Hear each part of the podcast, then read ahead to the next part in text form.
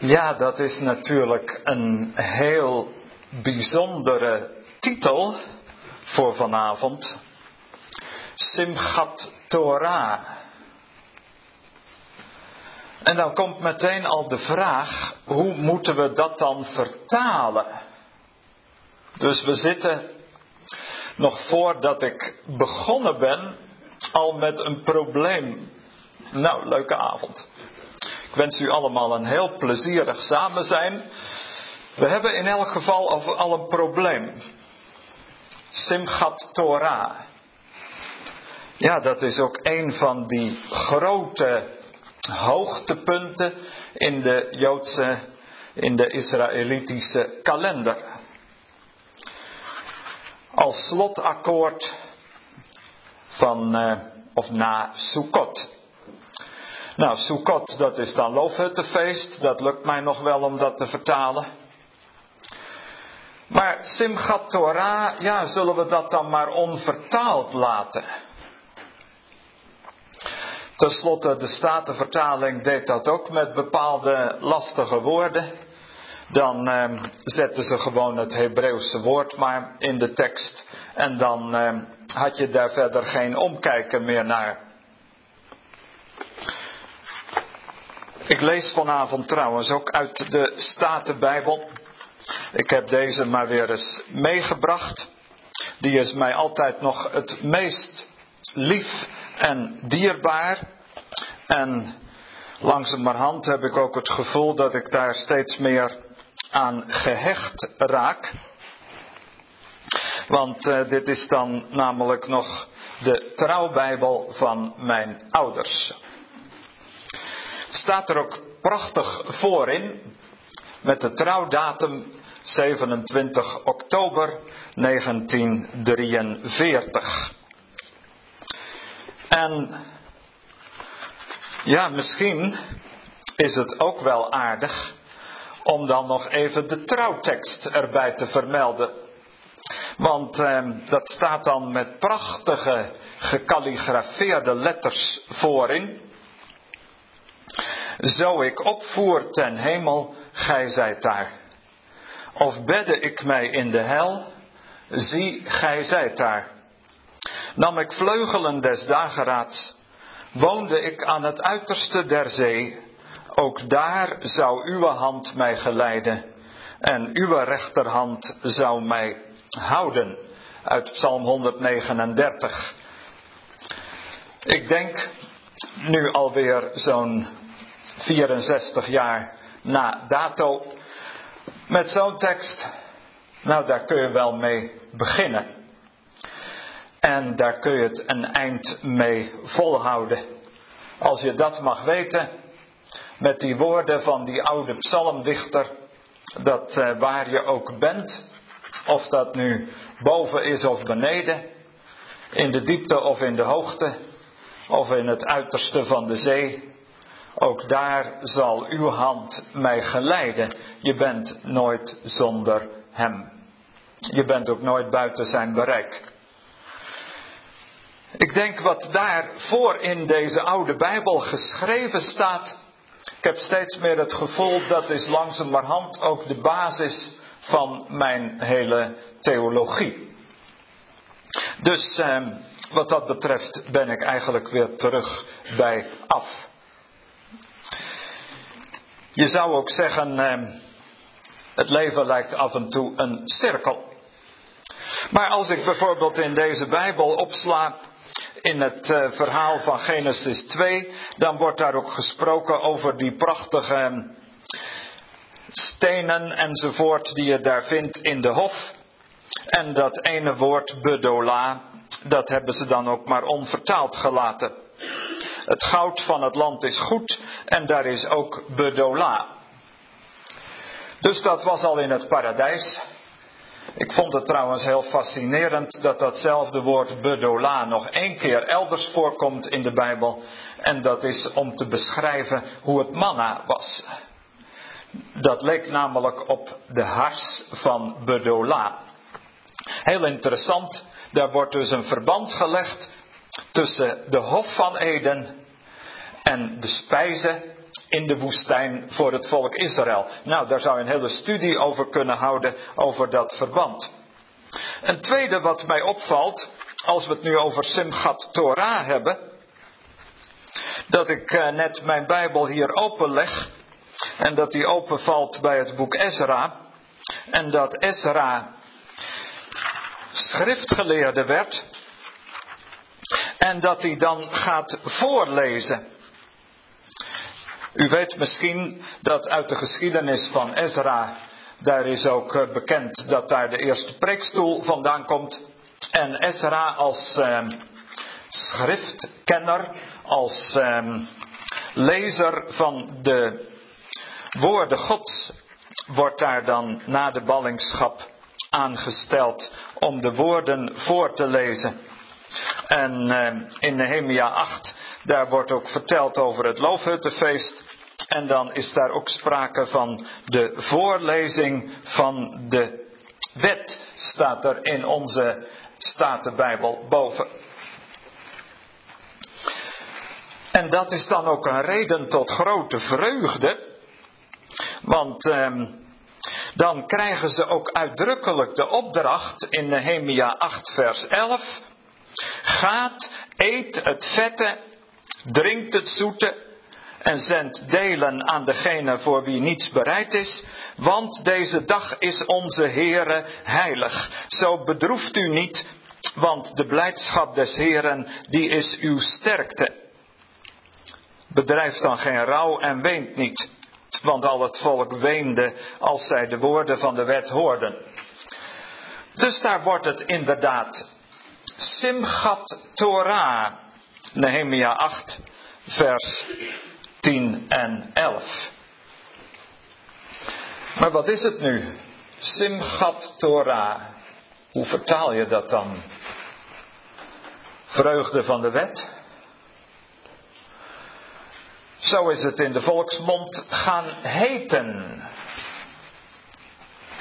Maar je zou zeggen dat bijt elkaar.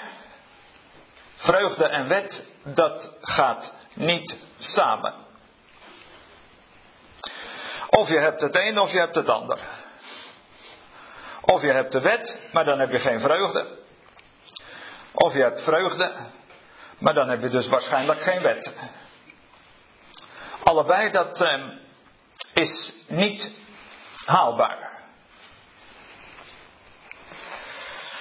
Want leven onder de wet, nou daar wordt niemand blij van.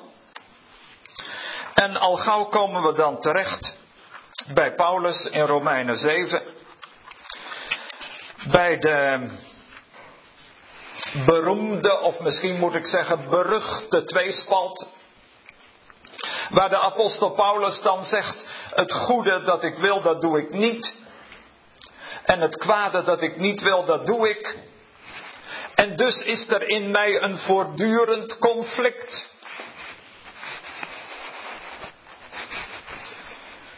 Dat Romeinen 7, dat is op zich dan ook een heel intrigerend hoofdstuk.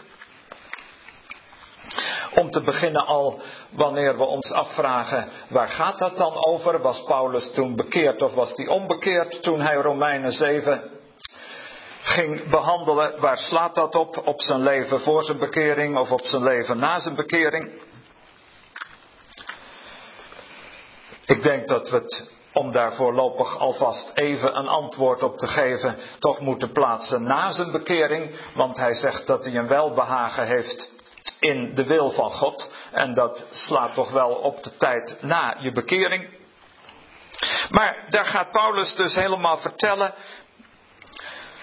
Gelukkig ben ik nu vrij van de wet. En dan zegt hij, ja, dat ligt dus niet aan die wet, dat lag dan wel aan mij. Want hij komt tot een heel fundamentele conclusie. En die wil ik in elk geval even lezen daar uit Romeinen 7. Heel bijzondere tekst. Romeinen 7 vers 12. Alzo is dan de wet heilig. Dat is dus het eerste. De wet is heilig. Dus die hoort helemaal bij God.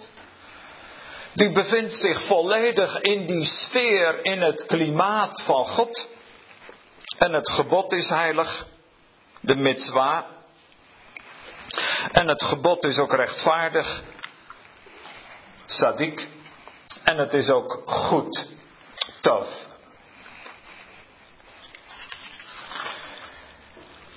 En dan in vers 14 nog zo'n prachtige uitspraak, want wij weten dat de wet geestelijk is. De wet is geestelijk. En dat betekent dan toch wel, als je dat probeert terug te vertalen naar de oorspronkelijke betekenis, de wet is doorademd van de goddelijke ruach. De ruach hakodesh, de geest van de eeuwige, inspireerde van ouds die wet. Nou, eerst maar even dat woord wet. Want misschien zit daar wel het punt. Wet en Torah, hoe zit dat dan? Hebben we het dan over hetzelfde? Want ja, oorspronkelijk bevinden we ons natuurlijk in het Hebreeuwse taaleigen. En dan komen we bij dat prachtige woord Torah. En Torah, dat is in de loop van de jaren al in heel wat toonaarden verkondigd. Ja, Torah, is dat eigenlijk wet? Nee, het is in wezen veel mooier. Want Torah, dat hangt samen met een Hebreeuws werkwoord yara. En dat betekent aanwijzen, onderwijzen. Dus Torah is eigenlijk onderwijzing. Boeber vertaalt het met wijzung, wegwijzing.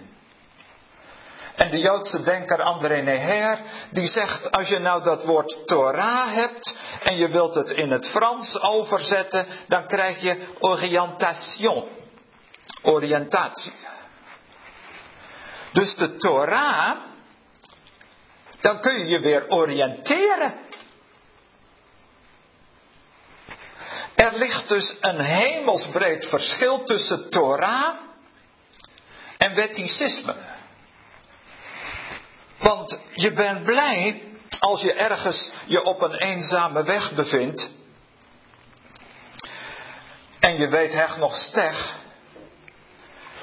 En je denkt, hoe zou ik nou moeten reizen? Je hebt een bepaalde bestemming in je hoofd. Maar je staat op een kruising. En je denkt, hoe nu verder?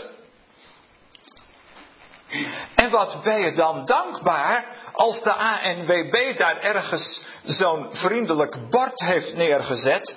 En dan kun je daarop kijken en daar staat precies die plaatsnaam op die je moest hebben. En dan denk je, hoi, ze wijzen mij de weg. Dan zal waarschijnlijk niemand zeggen, wat is die ANWB toch verschrikkelijk wettisch. Nou gaan ze mij voorschrijven dat ik die kant op moet. Mag ik toch zeker zelf weten? Ja, natuurlijk mag ik dat zelf weten. En als ik hier vandaan over Delfzijl naar Maastricht wil, dan mag dat best. Alleen, het duurt wel eindeloos veel langer. Dus die oriëntation is om je te helpen. Torah, dat is wegwijzing. En dat is met een heel positieve bedoeling. Voorlopig begint het er dus al een beetje op te lijken dat je je kunt verheugen over die Torah. Je kunt je verblijden over de weg die je wordt gewezen. En als iemand je onderweg in de woestijn het pad wijst naar de herberg, oh dan ben je de koning terecht. Of als je ergens in een dorre zandvlakte bent en iemand zegt ik weet een oase, dan kijk je die persoon met vriendelijke ogen aan en je zegt welke kant moet ik dan op? En dan denk je, oh, dat helpt. Dat is toch geweldig. Dus als je de weg wordt gewezen, dan is dat alleen maar pure winst. Torah, wegwijzing. Straks ga ik nog een laag dieper. Nu op het moment zijn we nog een beetje aan de oppervlakte. We beginnen altijd heerlijk oppervlakkig. Straks dan willen we gehoor geven aan het woord dat Jezus eenmaal sprak. Steek af naar de diepte. Want dat woord Torah, daar is nog oneindig veel meer in verborgen. Maar dat komt nog. En dan wordt die vreugde, die Simchat Torah, misschien wel helemaal ontvouwd. Toen op een gegeven moment, Torah betekende dus al eeuwenlang wegwijzing. En voelde zich thuis in de sfeer van het werkwoord Yara. En andere woorden die daar verband mee houden. Zo is het eigenlijk ook begonnen. Wilt u een mooie tekst daarover? Moet je even kijken. Deuteronomium 33. Dat is toch wel een heel bijzondere tekst in dit verband. Deuteronomium 33. Dat zijn zo ongeveer de laatste woorden van Mozes. Nu kan van Mozes gezegd worden dat hij bijna met de Torah samenviel. Mozes en de Torah. Dat was zo ongeveer identiek. In de sfeer van Mozes was plus minus de wandelende Torah. Hij is ook de berg op geweest om die Torah van God te ontvangen. Schriftelijk zeggen de rabbijnen en mondeling. Hij heeft die Torah gedragen vanaf de berg. Hij heeft die Torah gedragen 40 jaar door de woestijn heen. En dan eindigt zijn leven op aarde. Eigenlijk een merkwaardig beeld. Blijkbaar gaat het dan niet verder. Dan houdt het op voor Mozes. Hij zal het volk niet in het land der belofte brengen. Dat doet Jozua. En met Jozua zijn we bij de profeten. De vroegere profeten, zegt de Joodse traditie. Mozes, de Torah, brengt het volk tot de grens. Jozua, de profetie, brengt het volk over de grens. Over de doodsrivier, de Jordaan, in het land van de belofte. Maar Jozua gaat wel met de Torah in zijn mond en in zijn hart. Staat er in Jozua 1. En met die Torah, Sefer HaTorah, in zijn mond en in zijn hart, zal hij het land beërven, zal hij elke plaats betreden en zijn voet daarop zetten. En met dat boek van de Torah, je zou haast zeggen als wapen, zal hij het land in bezit nemen. Want profetie is toegepaste Torah. Profetie, dat is de voortgang van de Torah in de geschiedenis. Maar nou staat er iets heel bijzonders. Bijna het laatste. Wat Mozes gezegd heeft. Deuteronomium 33. Dan gaat hij zegenen. Mozes eindigt met de zegen. En dan lezen we. Vers 4. Mozes, Moshe, heeft ons de wet geboden. En wat is dat? Dan staat erbij een erfenis van Jacobs gemeente. Ik lees even vanuit de oorspronkelijke tekst het vierde vers. Torah, daar begint vers 4 mee. Onderwijzing. Tsibalanu heeft geboden aan ons. Moshe. En dan staat er Morasha Kehelat Yaakov. Een erfdeel van de vergadering. De kille. Dat woord wordt tot op vandaag gebruikt voor de synagoge. De Kehelat, de vergadering van Jacob. Erfdeel. Maar nou kan dat woord morasha, de rabbijnen zeggen je kunt het ook nog iets anders lezen. Het kan betekenen erfdeel. Maar het kan ook betekenen verloving. De bruidschat. Dus je kunt ook zeggen, weet je wat de Torah was? Dat was de bruidschat van Israël. Dat was het verlovingscadeau waarmee God en zijn volk zich aan elkaar verbonden. Nou, dan is het toch geen wonder dat als je met elkaar verloofd gaat worden, dat je daar ook wel bij mag dansen. En dan neem je die Torah-rollen en je begint te dansen van vreugde. En ze kwamen en ze voegden zich bij elkaar en ze dansten tezamen, om het met de woorden van de Engelse dichter William Butler Yeats te zeggen. Ah, oh, mensen, nou dan wordt het feest. Nou, dat heeft Mozes daar gezegd. En dan komt erbij in vers 5. En hij werd koning in Jeshurun. Met die Torah komt dan ook het koningschap van de eeuwige te midden van zijn mensen. En Mozes zegt dat als een soort afsluiting voordat hij uh, afscheid neemt van zijn volk. Toen zijn er eeuwen overheen gegaan.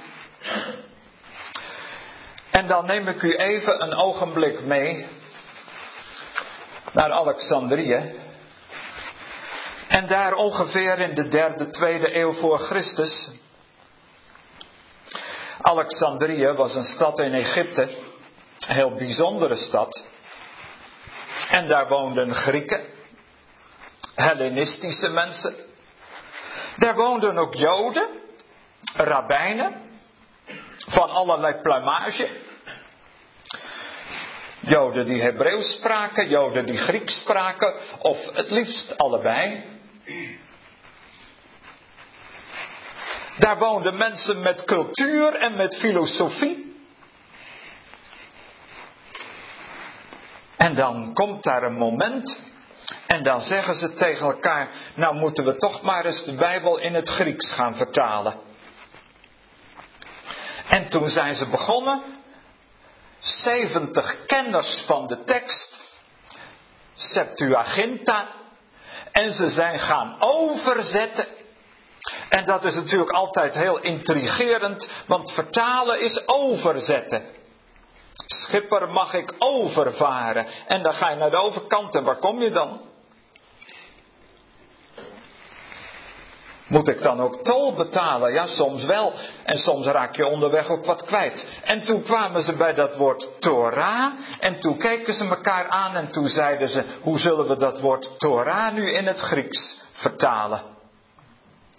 En de Joodse denker Levinas heeft gezegd: het is onze opdracht als Jood om in het Grieks te vertalen de principes die de Grieken nooit hebben gekend.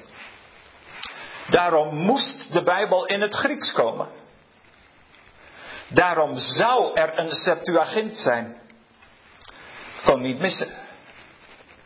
Kunnen we ook niet missen. En toen namen ze dat woord Torah en ze brachten het naar de overkant En toen was het nomos. En wat betekent nomos nu? Ja, dan heb je het volgende probleem. Wat is nomos? Dat woord nomos, dat vertalen wij dan weer met wet. In het Latijn wordt het lex. En dan zit je helemaal in de sfeer van het legislatieve, de wetgeving. En dan klinkt het al veel vreemder, kan dat nu ook?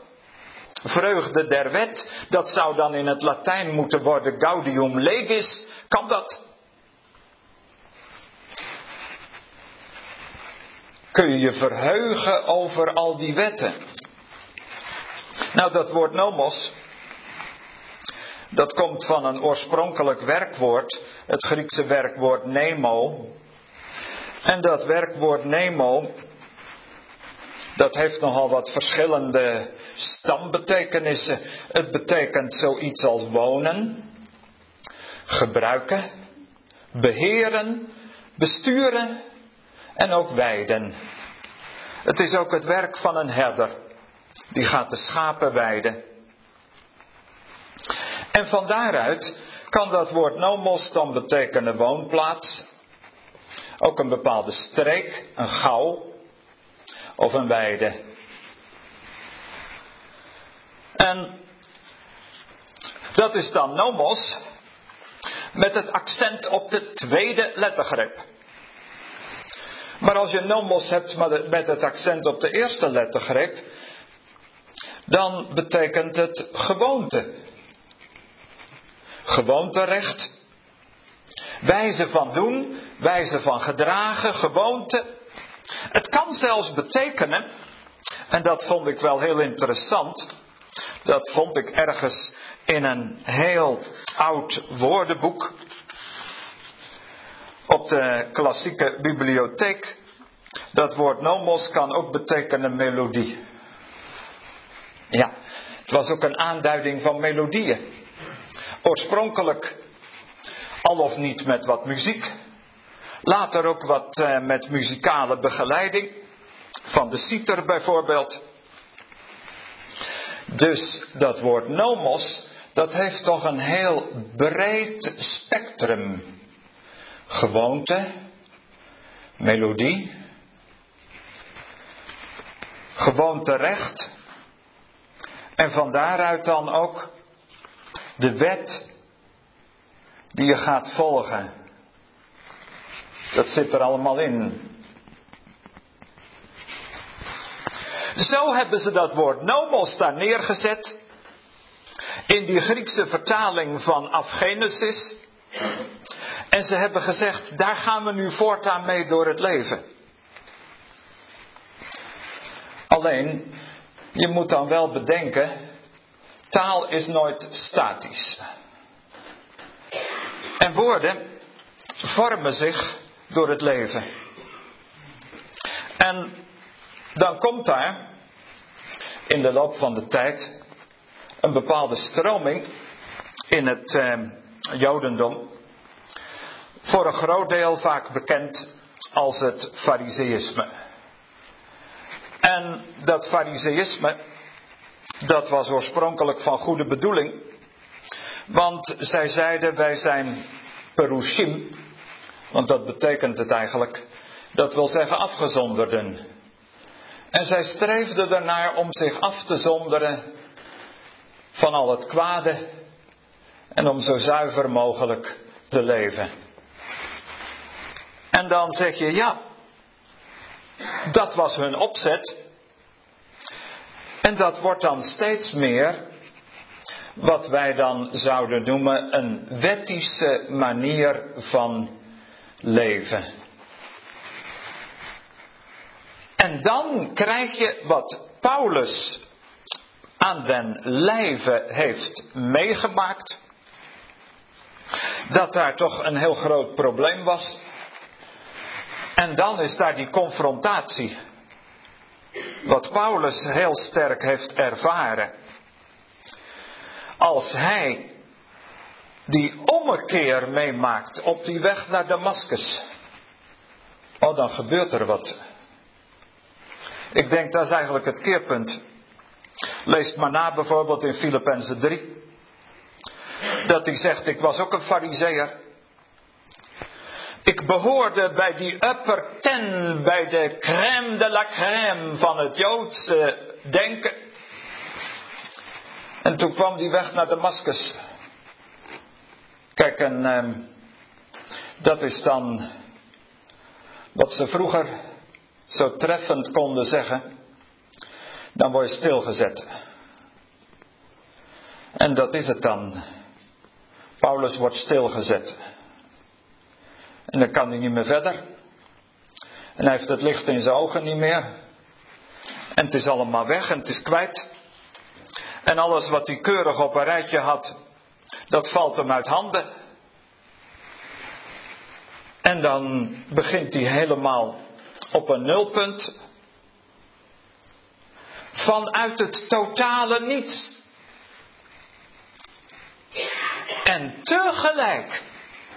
Kijk, en dan ga je dat begrijpen.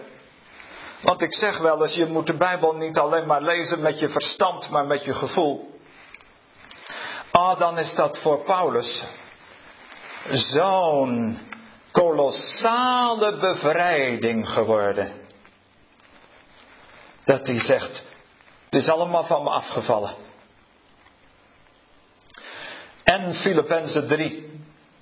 Ik heb het allemaal bij het grof vuil gezet. En nou ben ik het kwijt. En nou hoeft het niet meer. En nou sta ik in een totaal andere. Nou vooruit noem het dan maar een keer economia. Bedeling, bediening, huishouding kun je het ook vertalen. Paulus zegt ik sta in een heel andere economie. Dat is letterlijk in een heel ander beheer van het huis. En het is allemaal van me afgevallen. En ik ben thuis gekomen bij Jezus Christus. Daar op die weg naar Damascus.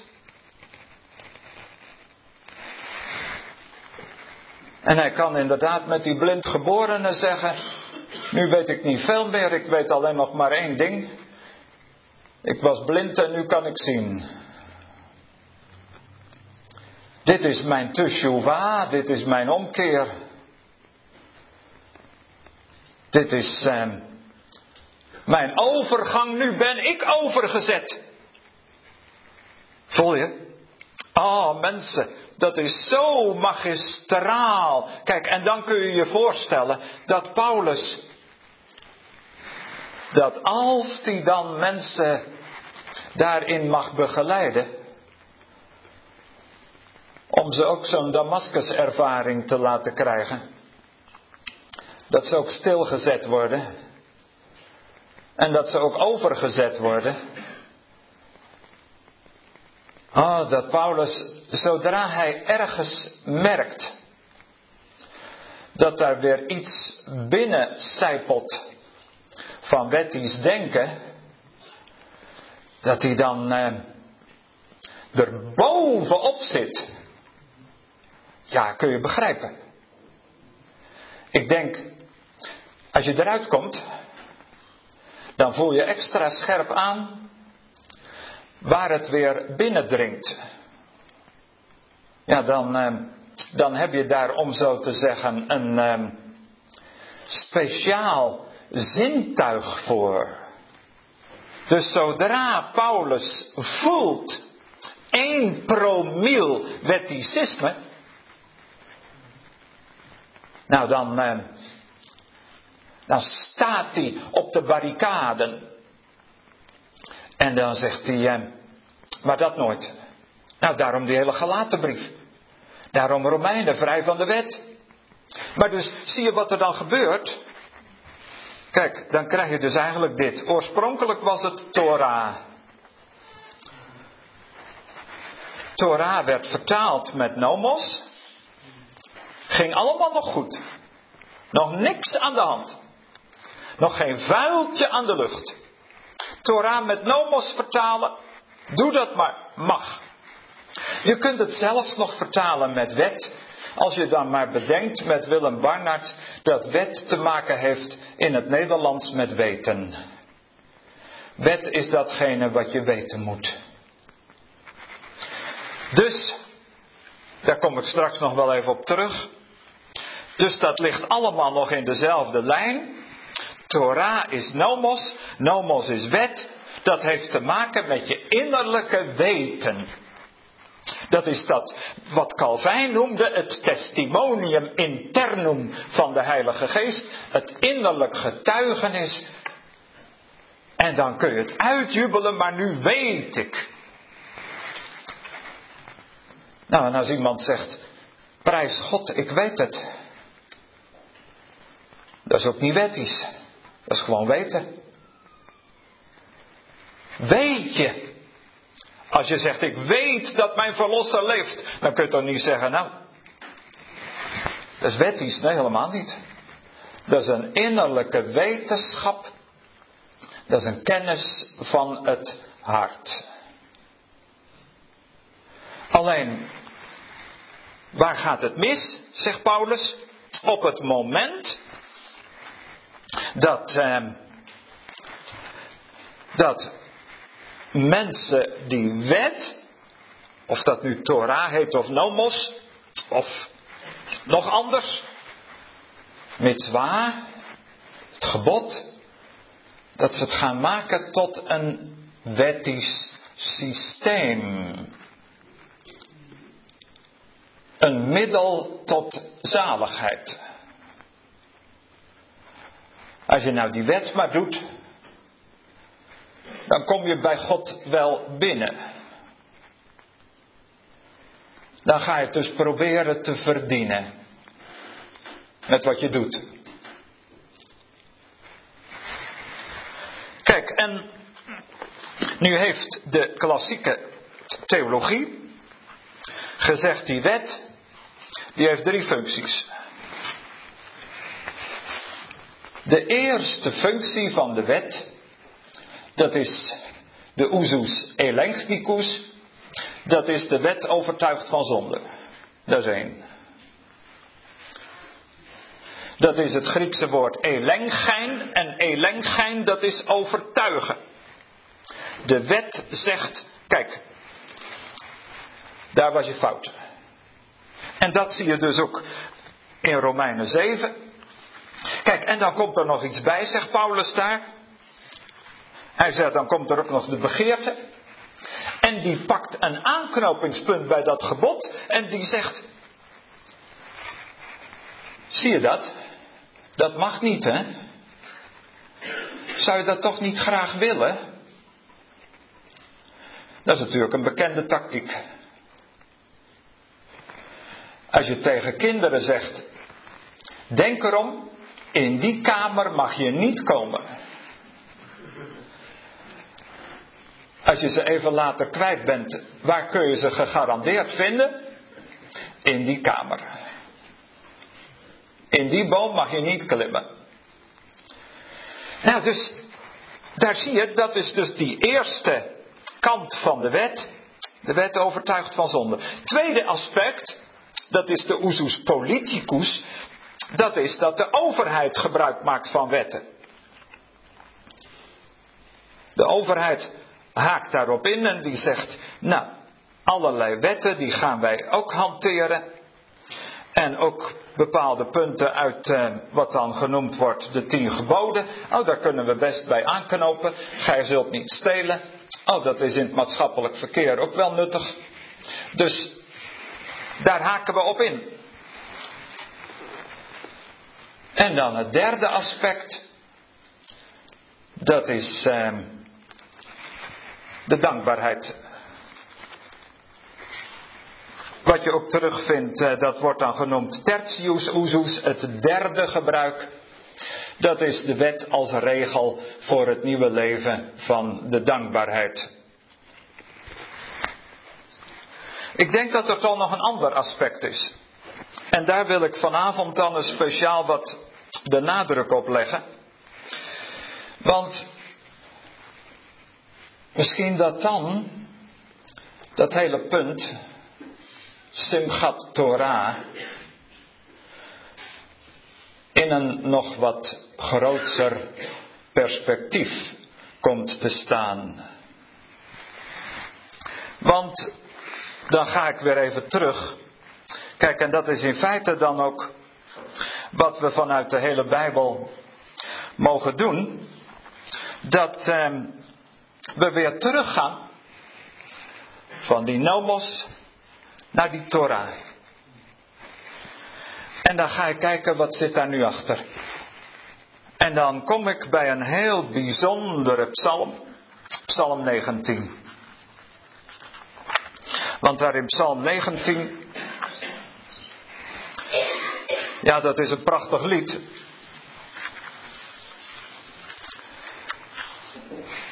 Want de rabbijnen zeggen, kijk die Torah, die was er al. Het woord is eeuwig. En dat woord, Johannes begint daar ook mee, in den beginnen was het woord. Bereshit hadavar, dat eeuwige woord. En dat woord dat was er al bij God, voor alle tijden. Dus als we dat even als uitgangspunt nemen, oh, dan kun je zeggen, dan is in wezen alles met dat woord begonnen. En die Psalm 19, dat is daar een lofzang op. Nu bestaat die psalm uit twee delen. Je hebt vers 2 tot en met 7. Dat gaat over de schepping. En dan vers 8 tot en met 13. Dat gaat over de Torah. En er is wel verondersteld dat die twee delen van deze psalm oorspronkelijk apart hebben bestaan. Twee aparte liederen. Een lied over de schepping en een lied over de wet. En toen later is er iemand gekomen en die heeft gedacht: Och, die kunnen we wel aan elkaar plakken. Maar je kunt nog precies zien waar de naad zit. Ik denk dat het veel mooier is. Het is geen plakwerk, maar het is één compositie. En het gaat in wezen over twee kanten van hetzelfde. Want in vers 2 tot en met 7, daar gaat het over de dag en de nacht. En ze spreken, maar ze hebben geen taal. Oh, daar zou je nog heel veel over kunnen vertellen, maar dat sla ik nu even over. En dan wordt daar gezongen over de zon. En de zon gaat zijn ongekende gang. Die begint in de morgen. En die gaat als een held vanuit het bruidsvertrek. Als een bruidegom staat er in vers 6. Vrolijk als een held om het pad te lopen. En dan staat er zo mooi in vers 7: Zijn uitgang is van het ene einde van de hemel en zijn omloop tot aan het einde van dezelve. En niets is verborgen voor haar gloed. Nou, prachtig. De zon. Dus die zon die gaat elke dag beginnen en die trekt van oost naar west en het ruime hemel rond vertelt met blijde mond Gods eer en heerlijkheid. Maar dan zegt die dichter, maar Zere wet nogthans verspreidt volmaakter glans de welzijdt hart bekeert. Dat wordt de tweede helft van de psalm. Maar in feite kun je die twee helften tegen elkaar aanleggen. Deel 1 over de zon, deel 2 over de Torah. En als je ze tegen elkaar aanlegt, dan kun je zeggen: de Torah is de zon. Kijk, dat is nou. En de Torah gaat een weg, een omloop over de ganse aarde. En die gaat door de hele kosmos. En die verlicht de ogen, staat er zo mooi. En die Torah, dat wordt daar met zes termen beschreven. In zesvoud wordt daar bezongen wat die Torah gaat uitwerken. En dan staat er ook heel mooi over die Torah. Niet alleen dat zij het hart verblijdt, vers 9.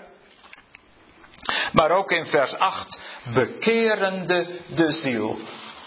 Letterlijk staat er, die doet de ziel terugkeren. Dat is wat. De Torah doet de ziel terugkeren. Dat is dus niet wettisch, maar dat is het levende woord. Dat is het woord dat geneest. En dan, dan zie je dat die Torah in wezen door en door evangelisch is. De Torah is genadig. Er staat ook in het zogenaamde Oude Testament dertien keer dat God genadig is. Dus ik denk dat we de stelling kunnen wagen. God is niet wettisch. Dat is hij nooit geweest. Wetticisme zit niet in de Torah, maar dat zit in de mens. En als het in jou zit, dan kun je zelfs met de gelaten brief nog wettisch worden.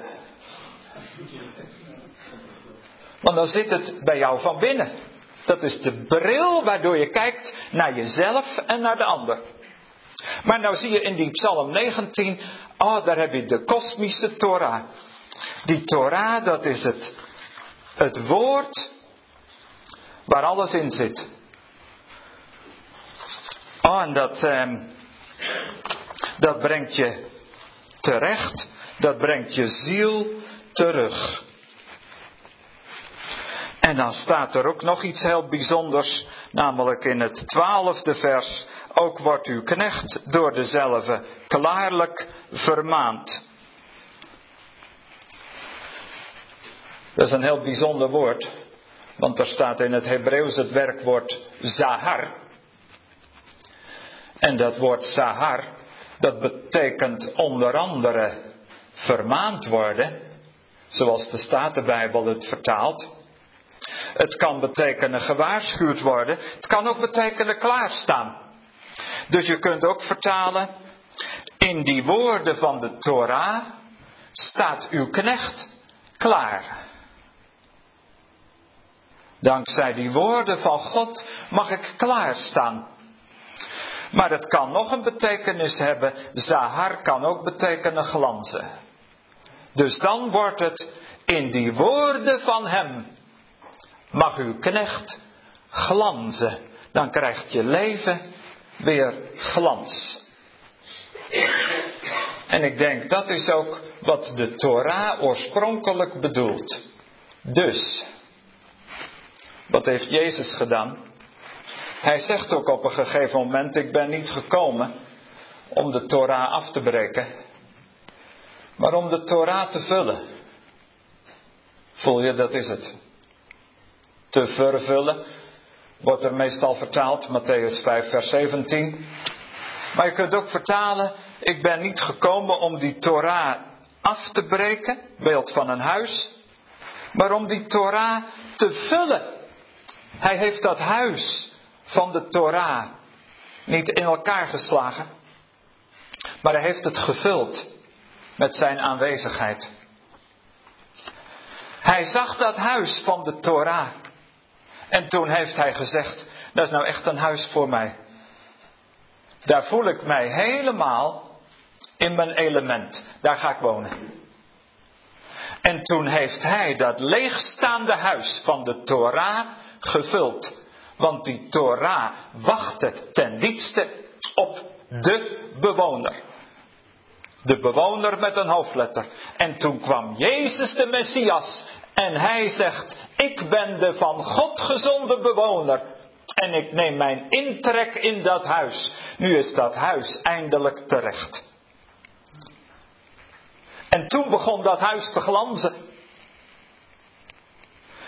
En toen begon dat huis zijn oorspronkelijke betekenis terug te krijgen.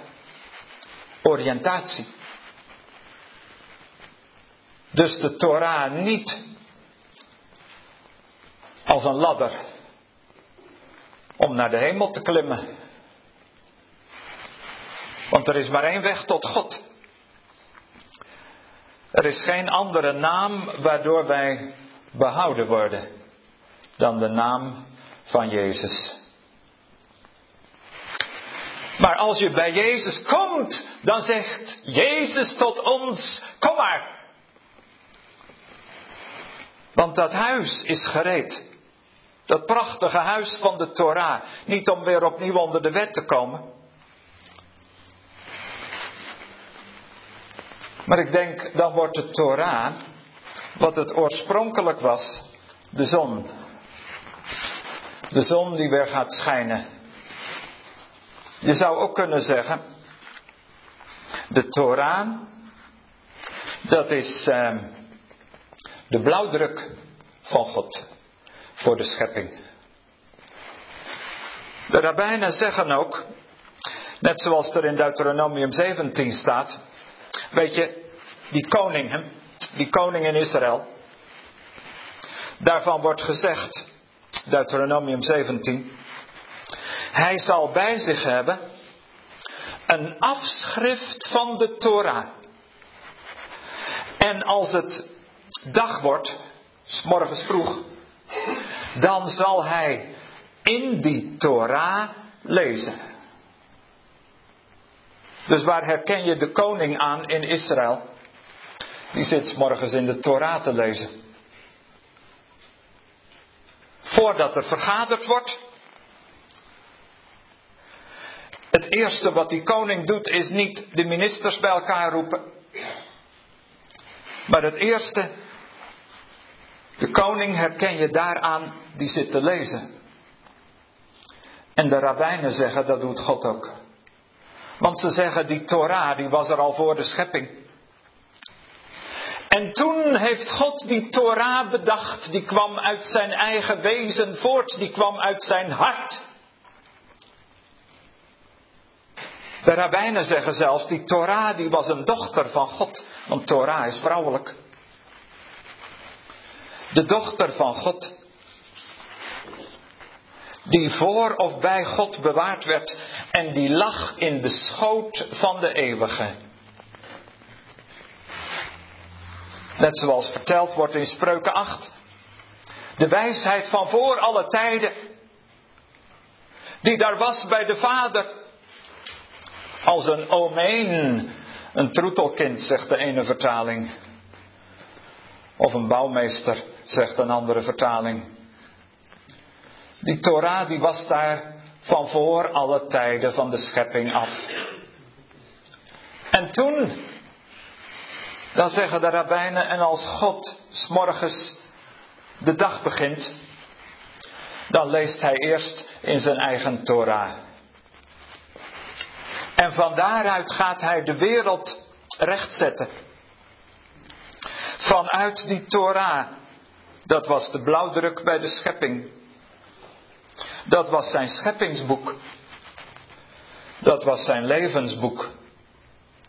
En dan voel je, dan is die Torah geen wet. Maar dan is het boek van het leven. Boek van het leven Gods.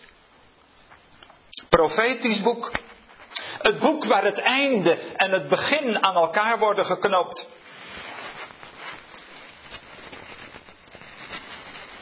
In de Torah gaan we terug naar het begin. Ik vond dat zo mooi. Ik las onlangs. Weet je waar jouw verhaal begint? Waar begint jouw verhaal? Dan zie je, dan wordt het ook heel persoonlijk. Jouw verhaal, mensenkind, begint in Genesis. En let wel, jouw verhaal begint niet in Genesis 3, bij de zonde, maar jouw verhaal begint in Genesis 1. Ik vergeet het nooit dat ik een keer sprak in een gemeente en toen kwam dat zo naar voren in de zangdienst. Kijk, als je nou daar bij Genesis begint, hè, dan lees je je eigen geschiedenis. En dan kun je zeggen, dat is de spiegel. Daar in Genesis 1, daar ben je begonnen. En als we die Torah gaan lezen, dan knopen we het einde aan het begin. Pythagoras zegt, die oude Griekse denker, dat is het probleem van de meeste mensen. Ze kunnen het eind niet aan het begin knopen. Maar de Torah kan het. Daar heb je het eind aan het begin. Hebt u er wel eens op gelet met Simchat Torah? Wat wordt er dan gelezen in de synagoge?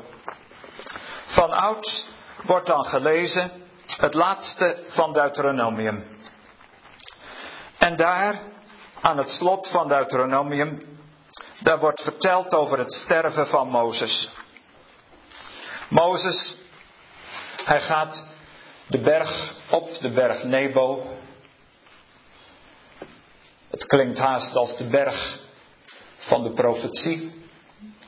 Hij gaat die berg op en dan is hij helemaal alleen bij God. En de rabbijnen zeggen, toen heeft God hem gekust. Want zo staat het er. Op de mond des Heren is Mozes gestorven. Op de mond des Heren. Zie je hoe teder dat is? Al mensen, die Torah is niet wettisch. Die Torah. Vroeger gaf ik les op een bijbelschool in België. En dan moesten ze ook tentamen doen. En dan zei ik altijd, onthoud het goed. De vijf boeken van Mozes zijn de vijf boeken van de ontferming. Ik zeg, als je dat op tentamen opschrijft, ben je in elk geval geslaagd. De rest is toegift. Vergeet het nooit. De vijf boeken van Mozes. De vijf boeken van de barmhartigheid. En dan moet ik altijd denken aan dat kleine meisje dat op de keukentafel zat. En opeens zei ze zomaar, en het laatste woord is barmhartigheid. Ben ik nooit vergeten. Uit de mond van kinderen zul je het horen. En Mozes die komt er aan het eind van zijn leven en dan zegt God, ik zal je kussen. En dan ben je thuis. En in die laatste kus heeft God Mozes naar huis gekust. Dat was mond op mond beademing, maar dan de andere kant op. Hij werd als het ware naar huis gehaald in die kus van de eeuwige. Zoals God in Genesis 2 de adem blaast in de mens. Zo neemt hij in Deuteronomium 34 die adem terug. Mozes, kom maar. Nu hoor je bij mij. En dan, dan wordt met Simchat Torah dat laatste gelezen. En weet je waar het dan mee eindigt? Deuteronomium 34. Het laatste,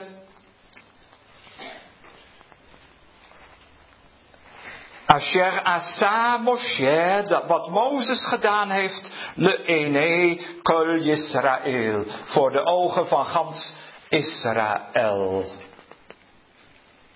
Oorspronkelijke tekst. Dus wat is de laatste letter? Dat is een lamet. Daarna wordt bij Simchat Torah meteen gelezen Genesis 1. En degene die dat voorleest, die wordt ook genoemd Gatan Torah, de bruidegom van de Torah. En waar begint Genesis 1 mee? Bereshit, in den beginnen. Dus de laatste letter is een lamet. En wat is de eerste letter? Een beet. En als je nou het einde knoopt aan het begin, dan krijg je een lamet en een beet. En welk woord heb je dan? Lef, het hart. Zie je dat? Een lamet en een beet. Lev, dat is het hart. Als je het einde knoopt aan het begin, dan kom je bij het hart. Kijk, dat is wat de Torah doet.